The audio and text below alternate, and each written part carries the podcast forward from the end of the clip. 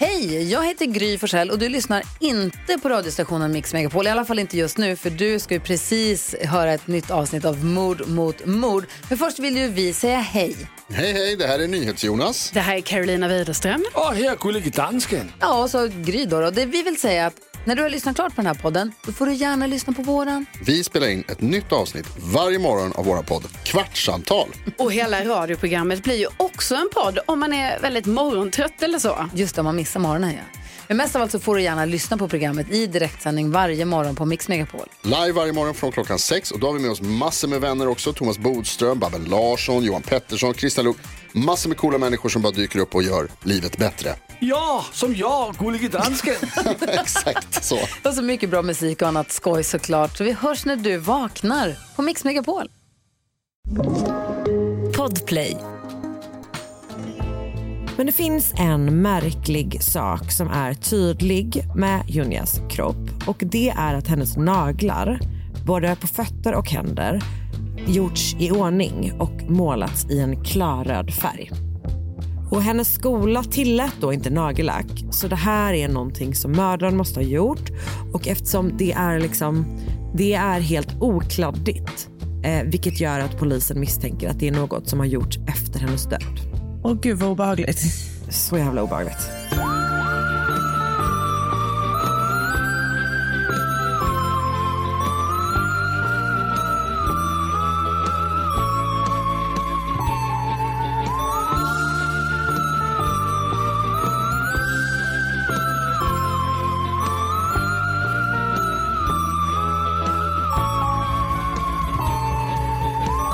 Vi säger hjärtligt välkomna till ännu ett avsnitt av eh, Allas vår mord mot mord.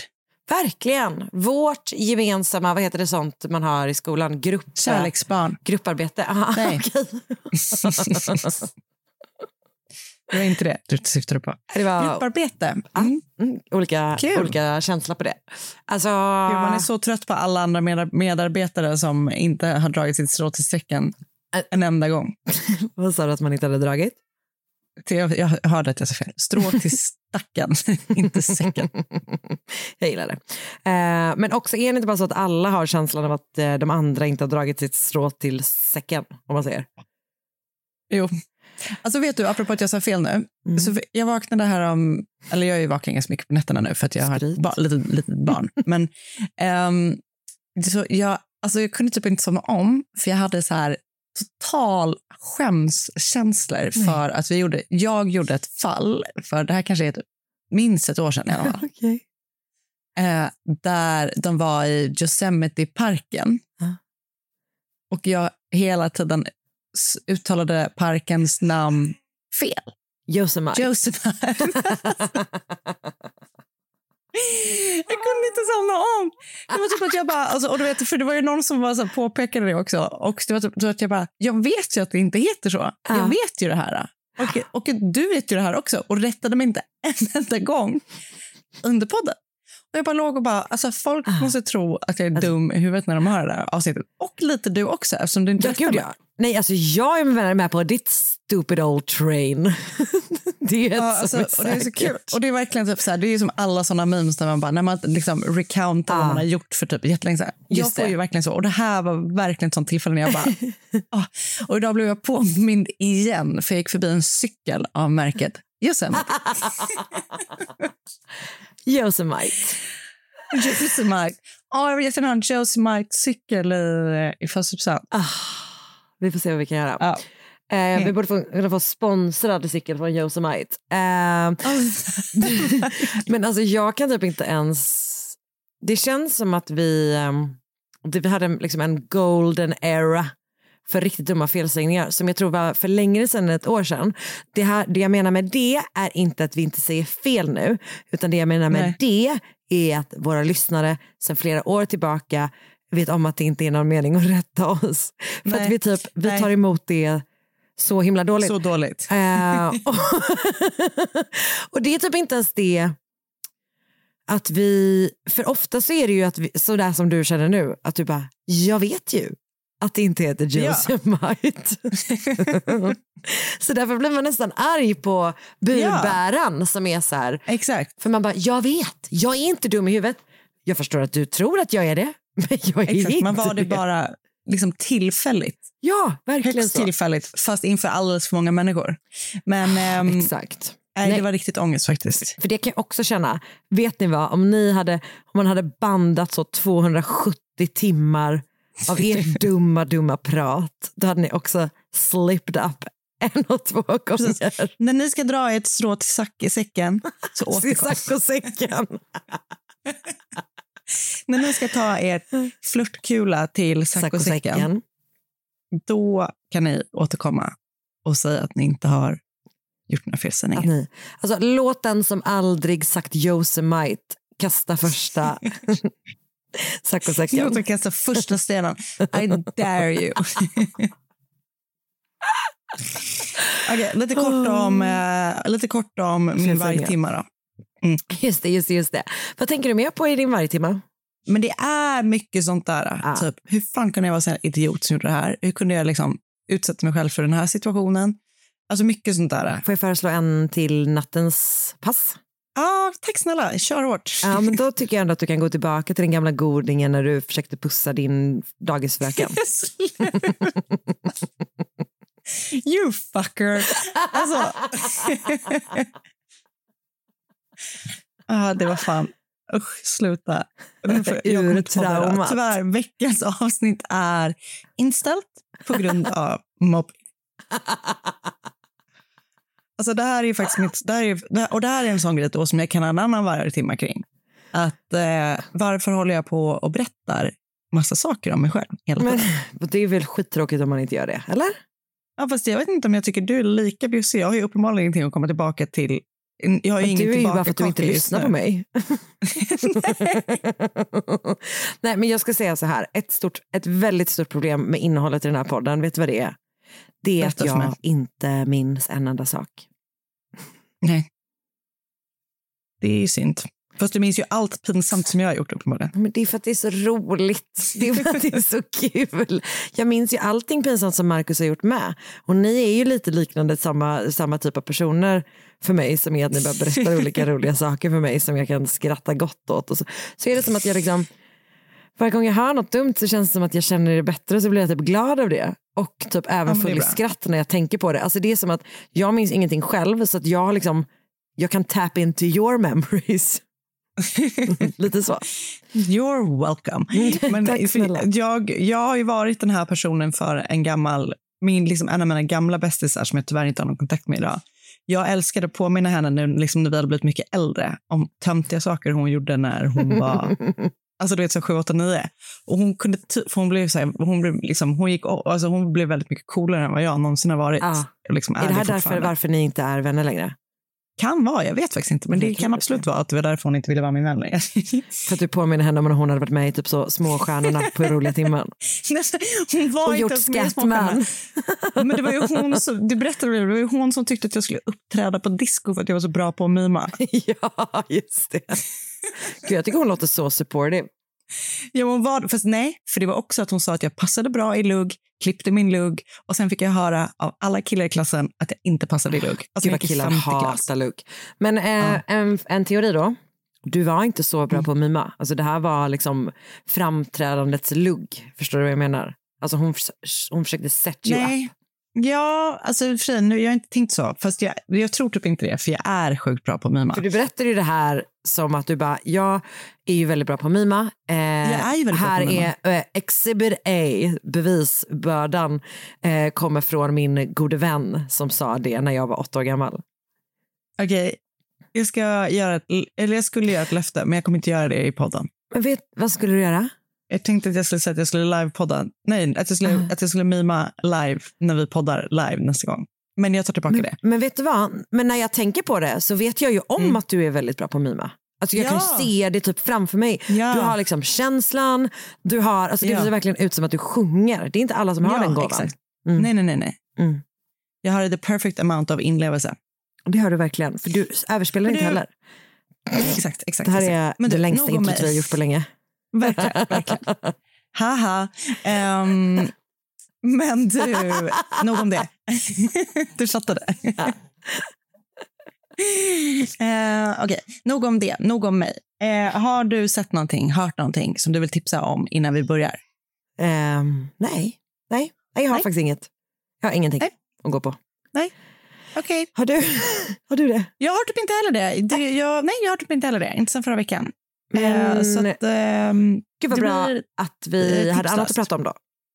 Ja. Okej, hej då! Hej då! Poddtips från Podplay.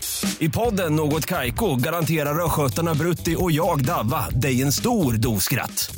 Där följer jag pladask för köttätandet igen. Man är lite som en jävla vampyr. Man har fått lite blodsmak och då måste man ha mer.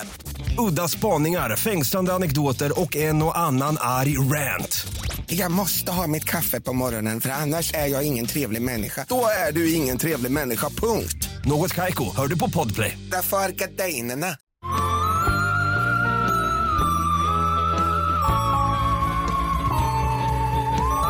Så idag ska jag berätta om ett eh, olöst fall från Sydkorea som har, alltså det är inte jättegammalt, det är typ 15, nej, det är 20 år gammalt, så det är ändå några år på nacken.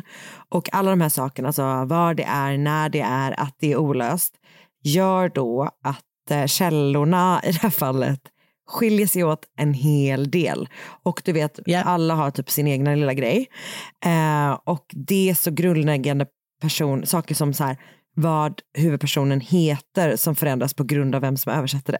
Typ. Okej, jag fattar. Eh, så att eh, i vilken ordning saker händer och vad som säger, och, alltså det, det skiljer sig åt en hel del men, men ehm, jag har liksom gått på det som är eh, mest trovärdigt och som återko- är liksom återkommande och gett, jag har typ gjort en övergripande beskrivning kan man säga. För att jag tycker typ att det här fallet är så himla, det alltså det, något. Ja, det grabbade Eller? tag i mig och jag blev eh, Ja. ledsen och eh, illa till mods. Och eh, jag börjar så här då. Eh, Eom eh, Junja eh, är 2003, 15 år gammal. Hon bor med sin mamma och sin pappa i Ponchon, i, vilket ligger då i norra delarna av Sydkorea i provinsen Ge... Alltså, förlåt, men You can do Yosemite. it. Eh, Je- Je- nej, jag kan faktiskt inte göra det. Jeon- Jeongi kanske. Hyunjas pappa är militär och baserad på en bas i den här liksom stan. Och jag tänker att, alltså som jag tänker då, så är det eh, typiskt då när man kanske är militär att man håller hårt i sin, sina barns uppfostran. Alltså han är men han är liksom så här, inte det att han är, han är, han är nog ganska strikt. Liksom. Ja. Och hon är också, Junja är väldigt, väldigt väluppfostrad. Hon liksom gör det som förväntas av henne. Hon är duktig i skolan, hon är artig och trevlig och liksom följer reglerna som hennes föräldrar har satt upp för henne helt enkelt. Mhm. Men trots det så har hon missat sin curfew den 5 november 2003. För efter skolan gick hon hem till en kompis, en, liksom en klasskamrat och där har hon glömt bort tiden lite grann. Så nu är klockan efter sex och hon är inte hemma än. 18.18 ringer hon sin mamma på sin mobil och säger att hon är på väg och hon ska ta en genväg och är snart hemma. Och genvägen är liksom som en liten så här bakgata, alltså den ligger i en stad, i den här stan liksom. Och den ligger precis i närheten av hennes skola så det verkar inte som att det är ovanligt för henne att ta den här vägen typ. Ehm, men det är lite som en bakgata och om hon tar den så borde hon vara hemma efter typ 10 minuter. Men Hyunja kommer inte hem och när hennes mamma ringer tillbaka till henne en stund senare är hennes mobil avstängd. Nej.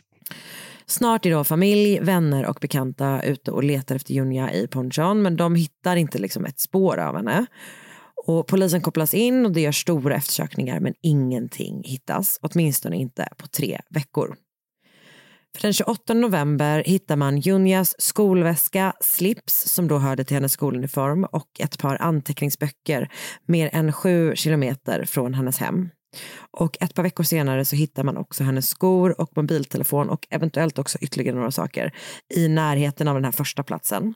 Ehm, och de sista grejerna, de hittas liksom bland massa skräp men de är som att de har blivit, alltså skor och mobilen har liksom blivit som placerade på typ en hög med grejer. Så att polisen ehm, får känslan av att, den som, alltså att det är någon som har placerat dem där för att de ska hittas. Liksom. Ehm, övriga kläder och flera andra av Junias eh, tillhörigheter kommer aldrig att hittas och samtidigt då så går månaderna. I februari 2004, så vi har alltså gått från början av november till början av februari, då kallas soldater baserade på samma bas där Junias pappa eh, är positionerad in i sökandet för att kunna täcka mer mark. Och efter bara några dagar så ger insatsen resultat. Tyvärr då den värsta sortens resultat. Den 8 februari lyfter några sökande bort en stor kartong som liksom innehållit en tv, det är en, en tv-kartong helt enkelt, och som, eh, som har placerats framför ett typ dräneringsrör under en väg. Och när eh, de tittar in i röret så ser de då någonting som vis, kommer visa sig vara Hyunias kropp och hon har då varit borta i 95 dagar. Men fy. Det är inte helt lätt att avgöra vad dödsorsaken har varit. Överkroppen har kommit mycket längre i förruttnelseprocessen än underkroppen. Vad det beror på eh, förstår jag inte helt och hållet, men det verkar som att man eh, antyder att det har att göra med att eh, det är liksom benen har varit mot ut, eh, alltså mot eh, närmare ut, eh, Eh, närmare öppningen av röret, så heter det. Och eh, medan liksom överkroppen har legat, hon ligger som i nästan, om du tänker dig att man drar upp benen mot bröstet och sen så lägger man över dem mot ena sidan och sen så ligger hon med huvudet åt andra sidan typ. Så hon ligger nästan som en liksom, ihopklämd fosterställning typ. Um, så att, men att då att eh, överkroppen är, har, liksom har kommit så långt i förruttnelseprocessen gör att det är väldigt svårt att, det, att liksom, kunna konstatera dödsorsaken helt enkelt.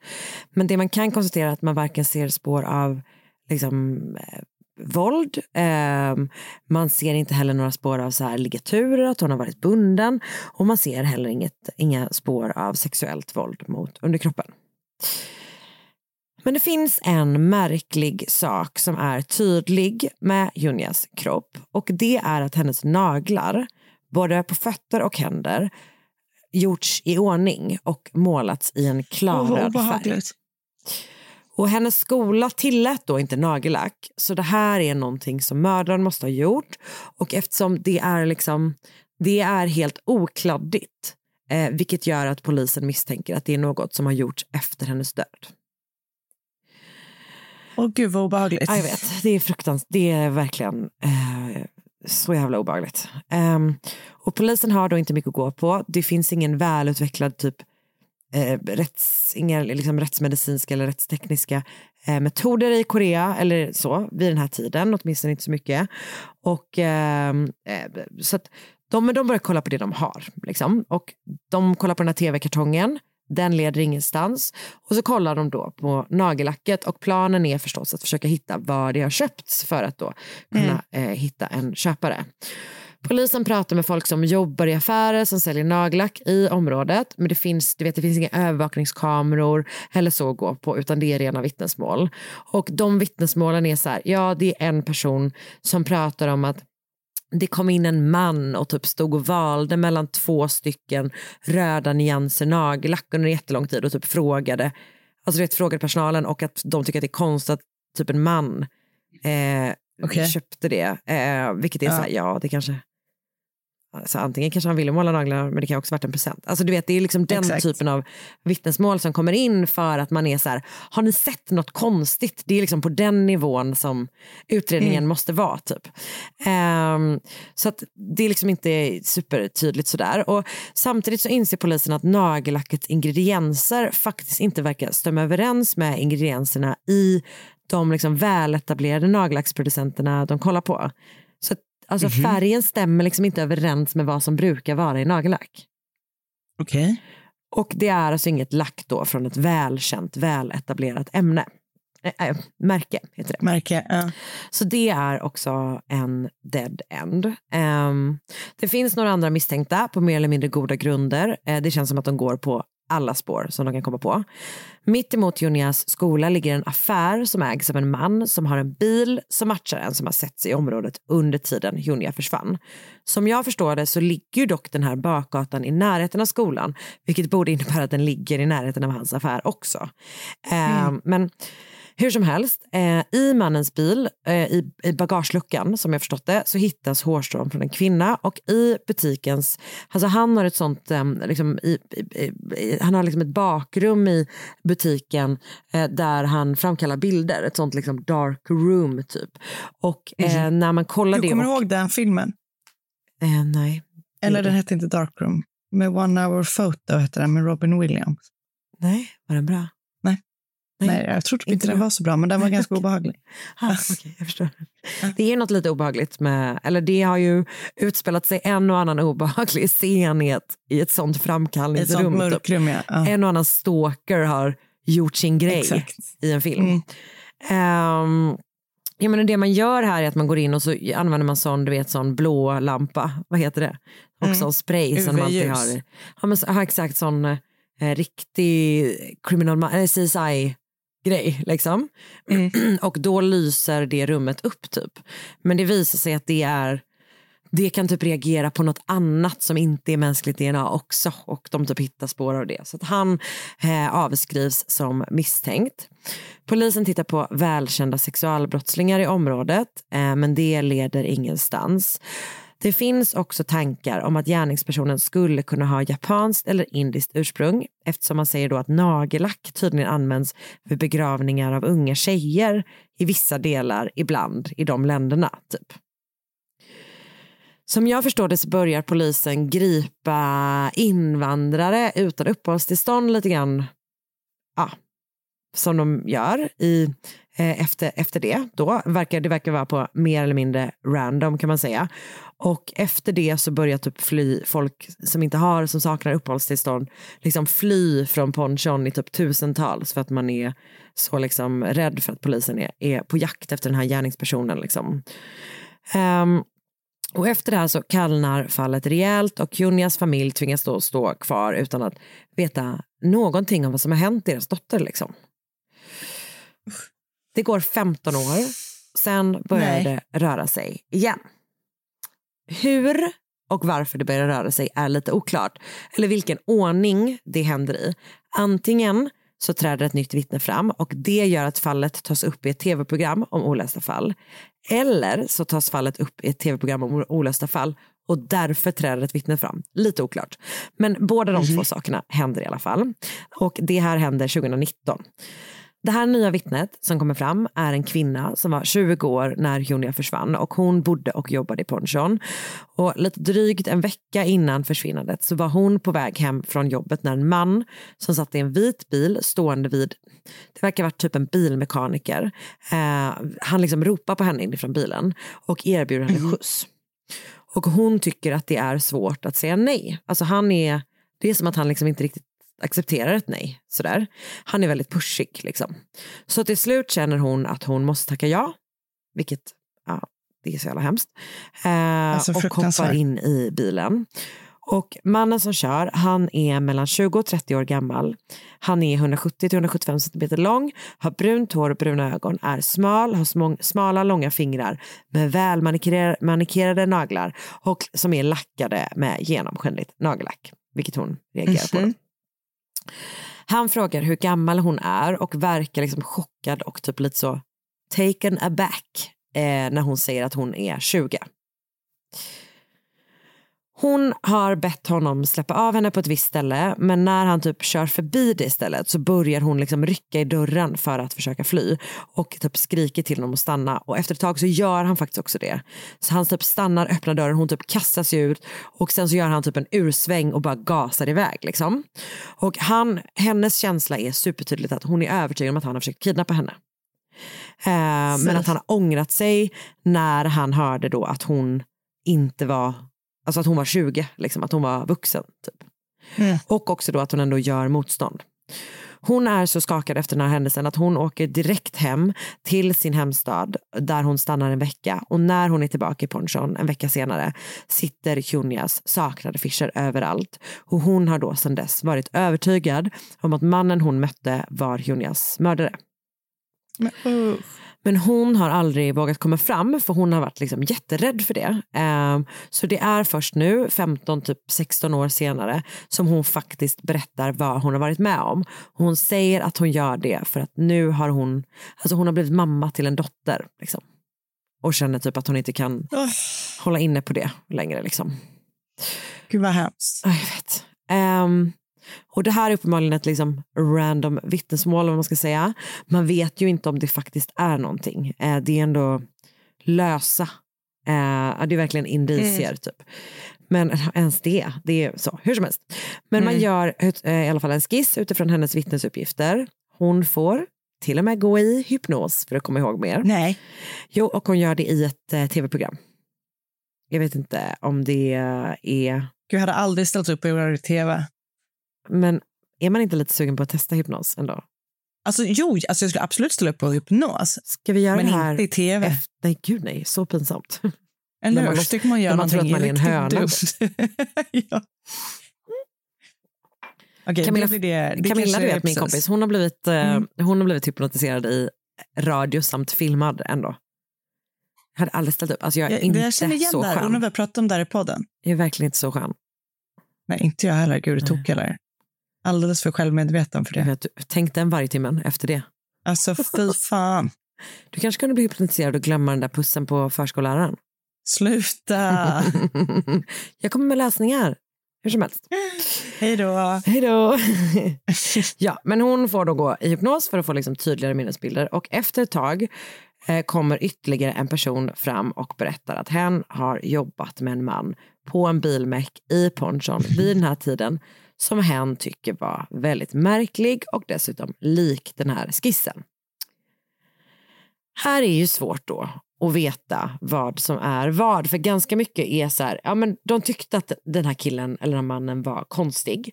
Men en del av det är typ att så här, han var väldigt feminin. Han var typ rädd för saker. Han, och sen så verkar han haft lite så tvångsbeteende att tvätta händerna väldigt mycket. Men det de säger också är då att han hade välmanikurerade naglar, eh, ge- genomskinligt nagellack och då som sagt var lik skissen. Så ehm, polisen är så här, det här det kanske ändå finns någonting här. Liksom. Eh, och då under den här perioden så undersöker polisen också nagellacket på Junias händer igen och inser då att det finns en chans att det inte är nagellack alls utan i själva verket att lacket har varit, alltså det har en hel del gemensamma ingredienser med billack. Okej. Så det finns eh, teorier om att så här, ah, men det kanske hänger ihop det här då. Liksom den här personen började jobba på den här bilmekanikern, han kanske hade tillgång till den typen av färg eh, och han kanske använde det för att lacka hennes naglar. Återigen, eh, ingenting är ju säkert liksom. Men mannen med de här fina naglarna som jobbade på bilmäcken går inte att prata med för han dog i cancer några år innan tipset kom in. Så här tar det liksom tvärstopp igen. Och eh, det här mordet då på Eom Junja det är ett väl ihågkommet och uppmärksammat koreanskt eh, olöst fall och eh, man kan ju inte annat än hoppas att, eh, att nu när man kanske har tillgång till bättre forensiska metoder och liksom rättsmedicinska tekniker eh, att man kanske kan eh, komma närmare att få reda på vem det var som mördade Hyunia för att hennes familj någon gång då kan få reda på vad som hände med deras Nej. dotter. Alltså, jag vet att du sa att det var olöst, men... Ah, du trodde att du inte spelade in eller någonting? Jaha, nej. Alltså, det här var varför jag flaggade för det från början, för att jag ville att du inte skulle bli så besviken på slutet. Men ja, jag vet, det är jätte, som vanligt, är det så himla himla frustrerande och det är så himla himla sorgligt.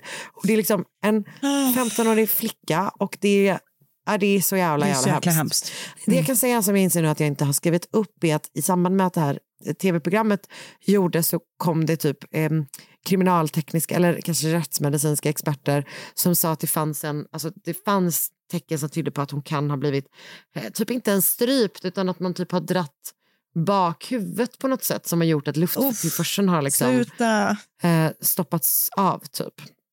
Ehm, jag har då sett ett Gud, klipp hemskt. på, ja, jag vet, det är så fruktansvärt. Ehm, jag har sett ett klipp på Youtube-kanalen Dark Asia with Megan. Eh, Mhm. Som har rubriken Murders Obsession over Nails, eh, Pochon Nail Polish Murder. Och det skulle jag säga är typ den bästa och mest sammanhållna beskrivningen av fallet som finns liksom på engelska. Jag har försökt kolla på en del koreanska klipp men Youtubes översättningsfunktion är inte riktigt där än. Eh, De översätter typ hälften. Man bara, tack snälla. Ehm, Jag har också läst en del mer eller mindre direkt översatta texter. Det var en jag skickade till dig där det var att han hade, eh, var att han hade brown Brown eyeballs. Uh, eyeballs were slightly brown eller någonting står det. Ehm, ja, men där har jag bland annat då läst på sajter som eh, Day, Day, Day Day News och Korea by Me där rubriken är True Crime Korea, The Red Nail Polish Murder. Sen har jag varit på, läst på The Smart Local under rubriken Six Unsolved Crimes in Korea that will send chills down your spine and keep you up at night. Och den är då skriven av eh, Lo Xuan Lin. Så det var eh, mordet på Eom Junja. Ehm, Väldigt sorgligt. jag vet. Jättesorgligt. Väldigt sorgligt. Poddtips från Podplay. I podden Något Kaiko garanterar östgötarna Brutti och jag, Davva, dig en stor dos skratt. Där följer jag pladask för köttätandet igen. Man är lite som en jävla vampyr. Man har fått lite blodsmak och då måste man ha mer. Udda spaningar, fängslande anekdoter och en och annan arg rant. Jag måste ha mitt kaffe på morgonen för annars är jag ingen trevlig människa. Då är du ingen trevlig människa, punkt. Något Kaiko, hör du på Podplay. Därför är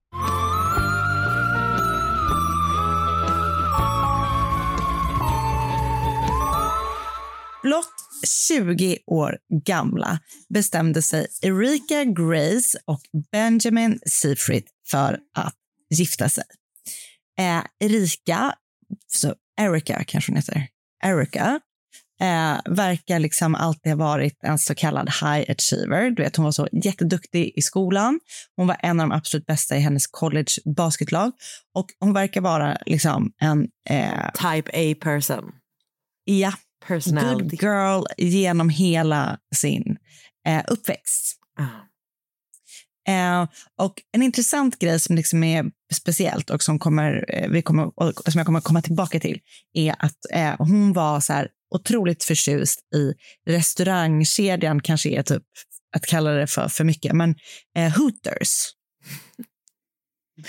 Jävla cool girl grej. Eller? Så hon samlade typ på så här, såna linnen som servitriserna har som arbetar där. Okej. Jag har aldrig varit där, har du det? Nej. Nej, det har jag inte. Nej, jag vet inte. Min enda relation till det är, du vet den filmen med Adam Sandler som heter Big Daddy eller något sånt där. Just det. Vet du vem som, eh, min enda relation till det, eller min liksom, eh, starkaste relation till det är att eh, Britney som eh, är tillsammans med Jax i Vanderpump Jax, hon Rules. jobbat där. Hon jobbar där Mm. när de blir ihop. Just det, No, det minns jag hon faktiskt flyttar också till när LA du från säger det. Kentucky. Okej. Ja, så jävla bra. Okej. Mm. Han då, Benjamin, var till skillnad från Erica inte alls duktig i skolan, utan han verkar snarare vara typ så här, en ganska stökig person. Han beskrivs som en thrill seeker och har, verkar ha gjort väldigt mycket saker mest bara för att få en reaktion från folk. Han har, och det här som jag ska nu ge som exempel är alltså... Eh, Jättemånga. där, Alltså, ja, och det är ju fruktansvärt sätt att få uppmärksamhet från och det betyder nog eh, mycket mer än bara att han vill ha uppmärksamhet. Han har nämligen ett stort hakkors tatuerat på sitt bröst. Okej. Eh, det- jag är det- vet inte mer om han har typ så nazist, eh, liksom, det har han ju uppenbarligen, annars skulle han inte tatuera in det. Men eh, det, det beskrivs liksom i källor Som att han är det typ är en så sån grej. flippig. Exakt så. En jackassig kille. Typ så. Mm. Eh, Perfekt men när det är tar sig uttryck. Man bara, sjukt. Eh, ja, men, eh, jättebra. Jätte, Exakt. jätte, vad bra. Gärna, gärna gör det här folkmordet till din flippiga grej. Exakt. Fruktansvärt. Men han, det är precis. Vi kommer inte gilla honom någon gång genom hela historien. Så att, Nej. ehm, Okej, så att det, men Det det, är fritt fram. Det är fritt fram. Han hade däremot planer då på att gå med i militären och han genomförde en sån här Navy SEAL-utbildning.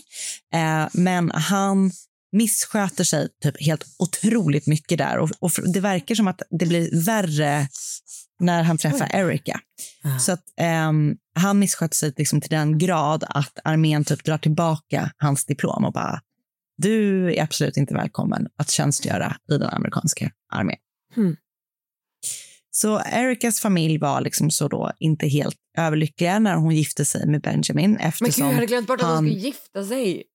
Ja, och de är 20 bast. Oh! Ja. Vilket flippigt bröllop han det ville fattar ha. man ju. Liksom. Han är ju någonting helt annat än vad hon har varit hela sitt liv fram tills att hon typ träffar honom i princip. Men inte heller Benjamins familj är överlyckliga över att de två har träffat varandra. För enligt hans familjs uppfattning då så är det på grund av henne som han tappar greppet totalt. Liksom. De är Eh, inte bra för varandra. de, är, de är dåliga för varandra. Mm. Och eh, han tar mer och mer avstånd från sin familj när han träffar henne. Eh, det är typ, han har liksom bara ögon för henne. Typ. Eh, men de är i alla fall jättekära och efter att de har gift sig så flyttar de till Altoona i, jag, tror inte man, jag vet inte om man uttalar så, men Altoona Altoona. i Pennsylvania. Altoona, heter det Nej men sluta nu. Ska vi inte ska, köra lite olika så kommer du ha rätt någon gång. Altoni, Altoona. ehm, Ah, i, Ultina. Altoona. All the tuna. Okej, säg nu. Chicken of the sea. Nej, du fattade. Okej, det ligger i alla fall i Pennsylvania och det är i närheten av där Erica växte upp och de öppnar en liten butik som specialiserar sig på scrapbooks som ju känns som att det är typ stort i USA att man Ah, scrapbookar. gud, ja. Och det är ju typ liksom pysselböcker, fotoalbum och sådana saker. Så här. Vilket känns ju väldigt smart för en som jag som aldrig har gjort sånt. Men, men ehm, precis, det är ju mer stort i America. Everything's bigger in America. Ah. Inte minst scrapbooking-intresset. Alltså scrapbooking eh.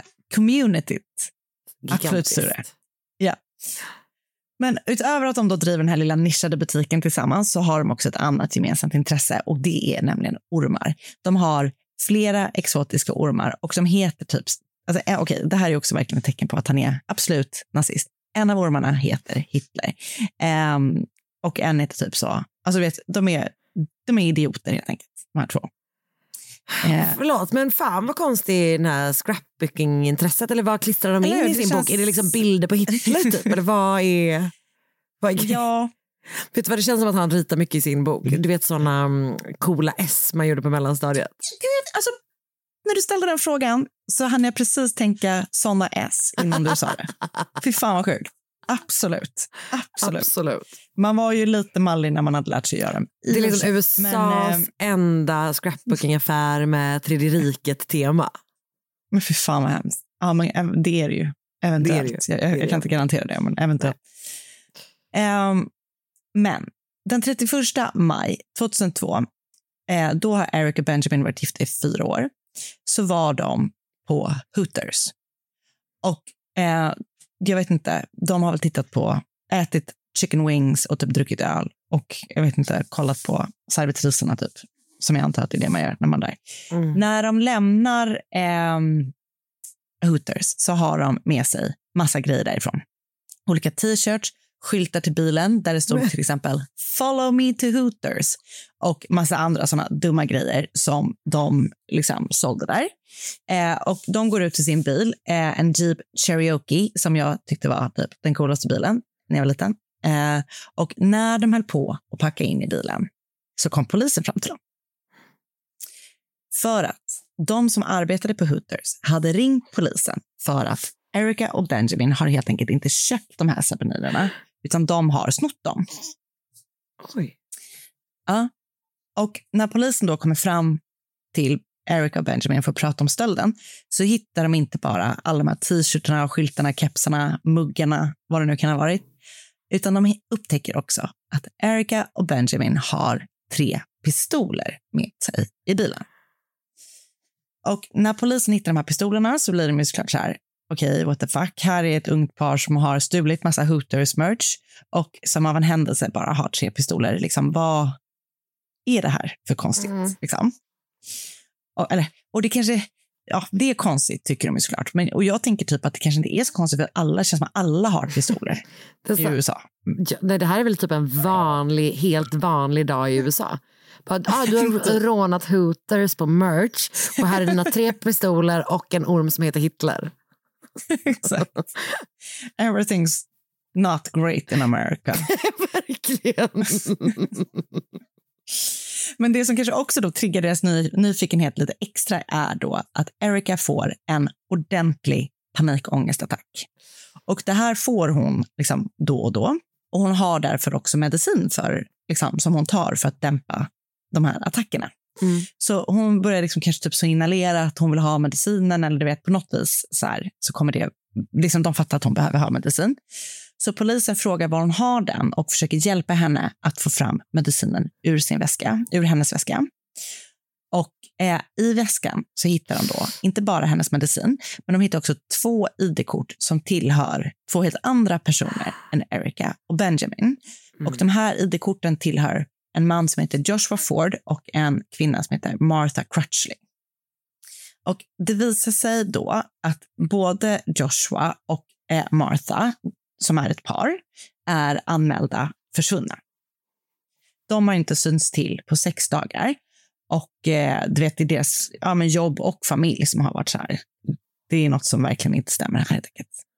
Så nu är polisen on high alert kan man väl verkligen säga. De plockar in Benjamin och Erica och tar sig sedan till parets lägenhet för att se om de kan hitta några liksom, spår eller några, du vet, några clues på vad som kan ha hänt Joshua och Martha.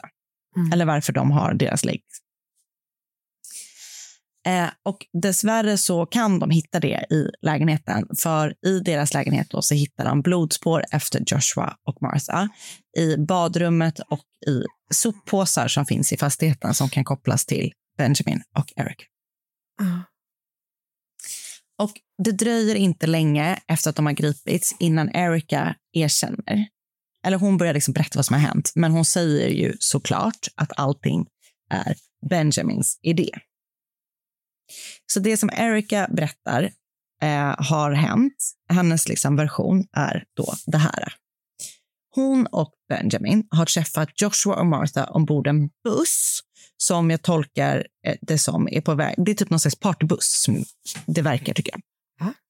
Och den är på väg eh, till en nattklubb som heter Secrets. Eh, stavningen är S-E-A Crets. Secrets. Alltså, som, ah, som att det är... Inte för att det spelar någon roll, men det ligger vid havet. Eller vid vattnet, det spelar egentligen det är, helt, det är helt oväsentligt verkligen för historien. Men jag tyckte, Ehm, alltså, jag, jag tyckte det var bra att du sa det. Jag, för det, Ja, jag tycker det adderar någonting för mig. Ja, bra, tack. Eh, men de fyra börjar prata och Eric, Erica och Benjamin har då typ inte cash för att betala sin bussresa. Så Joshua pröjsar för dem och de gör upp då om att Erica och Benjamin bjuder på en drink, ska bjuda på en drink när de kommer fram till eh, Secrets som tack då, eller för att betala tillbaka. Så när de kommer fram då så hänger de här fyra och de har jättetrevligt. Och när kvällen börjar lida mot sitt slut på Secret så frågar Erica och Benjamin om Joshua och Martha inte vill följa med till deras lägenhet för att fortsätta festa. Och de tackar ja, eh, men väl hemma i deras lägenhet så skiftar den här trevliga stämningen snabbt. För enligt Erica då så har Martha och Joshua försökt stjäla hennes handväska och en ring som hon har ärvt av sin mormor. Och efter att de har då stulit det här, eh, de här två sakerna, så har de försökt gömma sig i badrummet. Och ehm, när de då har gömt sig där, så alltså det, det blir, de blir osams typ helt enkelt. Och eh, de gömmer sig med hennes väska och hennes ring i badrummet, vilket Ja.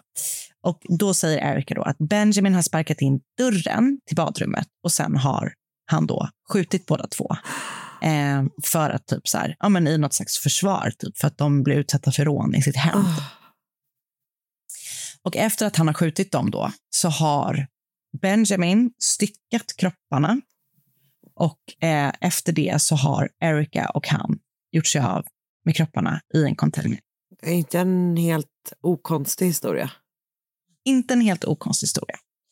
Men det blir konstigare någon vecka senare, för då får polisen kontakt med en kvinna vid namn Melissa. Hon berättar att hon och en manlig vän också har träffat Eric och Benjamin på en klubb. Jag vet inte om det är på Secrets eller om det är någon annan klubb någon annanstans. Och de har hängt, de fyra, precis som Joshua och Martha har gjort med dem. Eh, och precis som då Joshua och Martha har de då tackat ja till att följa med dem hem när klubben väl har stängt. Väl hemma i deras lägenhet så har Erica och Benjamin från ingenstans börjat anklaga dem för att ha stulit Ericas handväska. Något som då Melissa och hennes kompis absolut inte har gjort. Nej. Eh, men sen blir då Erica och Benjamin väldigt så hotfulla snabbt och hotat dem med pistoler. Mm. Och, sen, och de är ju skiträdda såklart, Melissa och hennes kompis. Och bara, fan är det här som händer? Liksom. Eh, men det är någonting som händer eh, som gör då att de helt plötsligt så här, gå härifrån bara. Ni, ni, har, vä- ni har en jävla tur, liksom. för att det var några, ett annat par här för någon vecka sedan som inte hade samma tur. Men nu får ni gå härifrån. Typ. Eh, skitläskigt. Så de bara drar och vet, fattar liksom typ ingenting vad som har hänt. Helt enkelt. Men när, de, när polisen då eh, ko- kommit i kontakt med Melissa, eller när Melissa har berättat den här historien då, som hon har upplevt, så blir det ju tydligt för polisen att så här, det är inte som Erika säger, utan de har ju haft uppsåt att typ göra det här. Du vet, de har... ja, det blir då tydligt att så här, den historien som Erika berättar, den stämmer inte, utan de har liksom ändå typ faktiskt tyckt att de typ har lyckats med det här äh, första gången och så har de försökt göra det igen. Och sen så är det någonting som då stoppar dem och det ska, det ska sen då, det verkar som att anledningen till att de inte gör det mot Melissa och hennes vän, gör exakt samma sak då, är för att eh, deras hyreskontrakt går ut typ dagen efter så att de säger, tänker att de inte hinner städa. Jag vet inte om det är sant, men ehm, Men det finns sådana Men då- teorier. Liksom. det finns en sån teori och det är nå- kanske någon som har sagt det. Sådär. Men det visar sig sen också att Erica har haft på sig antingen Martha eller Joshuas ring runt halsen i en kedja när hon grips. Och det tar liksom lite tid för dem att hitta det. Den har liksom rester av blod på sig. Så att efter att de har gjort det här så har hon alltså stulit en ring från någon av dem och liksom, du vet, inte tvättat den utan bara hängt den runt sin hals. Eh, så att du vet, de är bara så här, hon typ njöt av det här och ville typ bära med sig sitt, som liksom en liten souvenir efter. Typ. Det är då polisens tolkning. Det är inte hon som har sagt att det var så. Nej. Men hon hade ringen runt sina. Polisen hittar också bildbevis i typ någon form av scrapbook. Kanske. Det är också så här, jag vet inte om det är någon som typ skriver om historien lite för att det passar bättre. Men det sägs att det var det Ja. där eh, Benjamin poserar med eh, dels en toalettdörr som har två skotthål genom sig. Ska berätta mer om det sen. Och eh, när han poserar med delar av Joshuas kropp efter att han har mördat någon. Så jäkla, så jäkla, jäkla hemskt verkligen. Oh, Och den här dörren då med två skotthål i visar ju att Benjamin alltså har skjutit dem genom dörren. Och eh, det beskrivs i, eh, jag lyssnade på en podd om det här fallet och där berättas det som att när Martha och Joshua har tagit sin tillflykt i panik till badrummet så har, och liksom försökt, för att försöka gömma sig så har Erica typ liksom lyckats hänga sig ut genom ett fönster typ för att se in i badrummet och sen guidat Benjamin typ när han kan skjuta dem genom dörren. Ja. Så jäkla läskigt. De är sjukt beräknande och jätteobehagliga helt enkelt, Erica och Benjamin.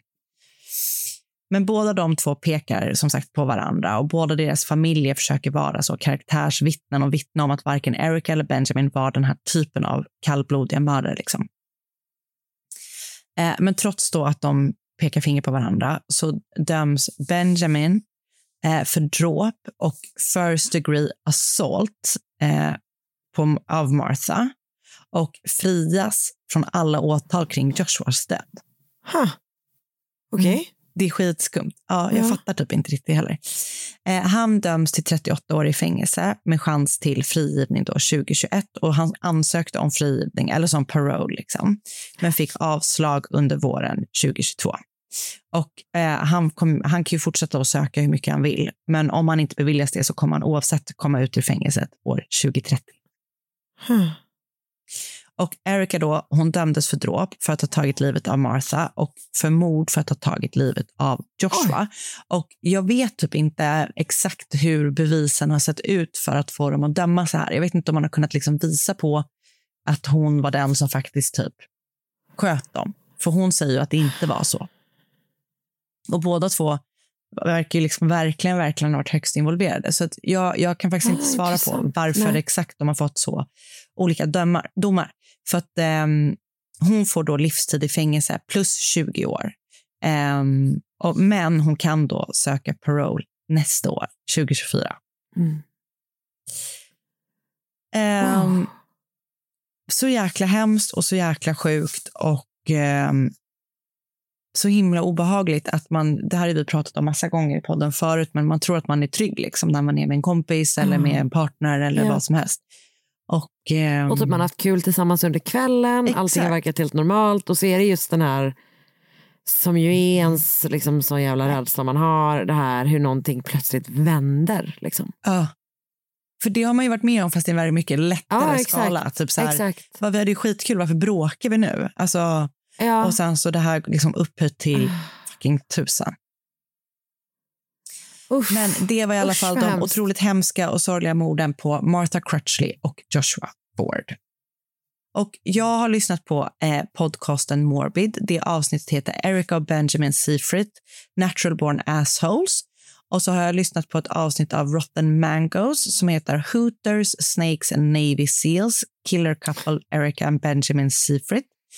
Eh, jag har också läst lite olika Wikipedia-sidor, Murderpedia som var väldigt länge sedan eh, en artikel på Fox News skriven av Tim Swift med rubriken Infamous Ocean City kill Thrill Killer Benjamin Seafried denied parole. Uff. Så jäkla obehagligt, eller hur? Ja, det var, var riktigt obehagligt. Mm. Natural born assholes. Det var de nöjda med den rubriken. Alltså verkligen. Mm, det var de verkligen. Men de har inte fel i sak i och för sig. Nej, det har de verkligen inte. Du, tack snälla. Tack du och tack alla ni som har lyssnat. Och Verkligen. vi hoppas att ni är med oss genom hela sommaren. För det, vi brukar ju ha eh, varannan vecka uppehåll under sommaren. Men den här sommaren så har vi inte det. Utan ni kommer få lite olika Det blir lite best off. Ja. Ja, exakt. Från flashbacks. arkiven. Det klingar inte så positivt. Men ehm, precis, Eller? bästa av är bättre. Mm, Ja, eller, eller från arkiven. Det är bra. Det är bra. Jätte, jättebra. Eh, Okej. Men innan dess så hörs vi nästa vecka. Ja, det gör vi absolut. Hej då! Hej då! Podplay. Ett poddtips från Podplay. I fallen jag aldrig glömmer djupdyker Hasse Aro i arbetet bakom några av Sveriges mest uppseendeväckande brottsutredningar. Går vi in med hemlig telefonavlyssning och, och då upplever vi att vi får en total förändring av hans beteende. Vad är det som händer nu? Vem är det som läcker? Och så säger han att jag är kriminell, jag har varit kriminell i hela mitt liv men att mörda ett barn, där går min gräns. Nya säsongen av Fallen jag aldrig glömmer på Podplay.